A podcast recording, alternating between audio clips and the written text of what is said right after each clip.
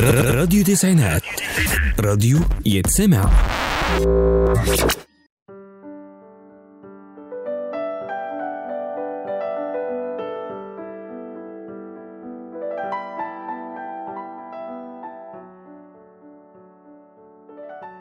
للإنسان قدرات كتير قوي ملهاش نهاية.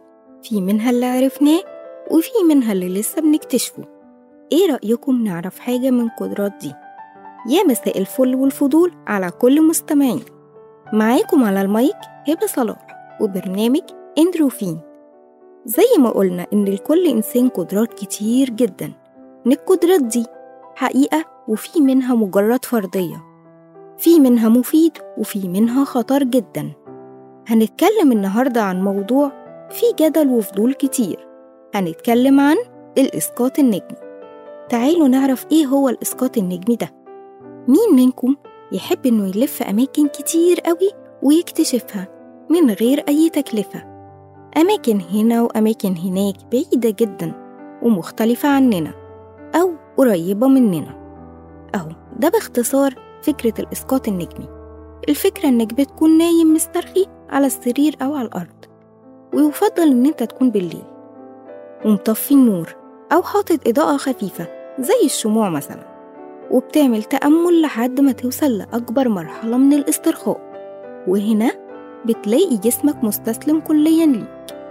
هنا بقى بيقولوا إن الجسم الأسيري بينفصل تماما عن الجسم المادي بتاعنا ده وإن الجسم الأسير ده ممكن يروح أماكن بعيدة جدا وبيتفسح فيها ويكتشفها وكأنه فيها بجد.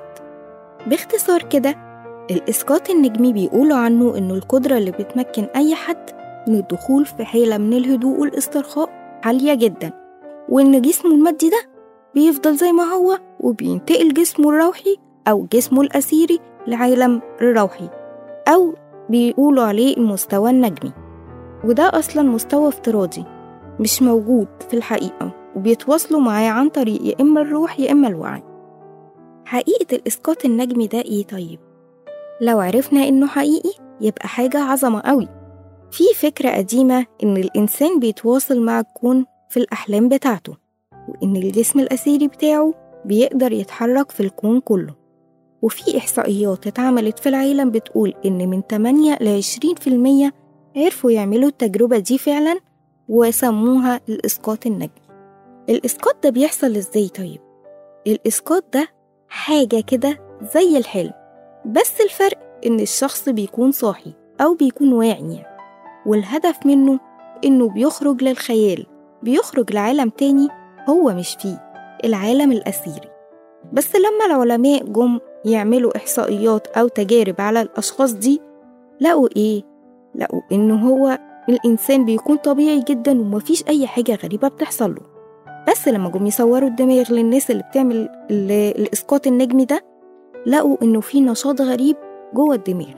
هو ده اللي بيحصل لهم وقت الإسقاط النجمي. بس تعالوا نعرف بقى هو الإسقاط النجمي ده هو هو الخروج من الجسم؟ باختصار قوي لأ. الإسقاط النجمي ده تجربة بتحصل عن طريق تمارين معينة اللي هي تمارين التأمل وبيكون الشخص فيها قاصد وواعي جدا للي بيحصل له. أما الخروج من الجسم ده دي حاجة بتحصل بغير إرادتنا في النوم ومن غير أي تمرين ومش مقصودة مننا.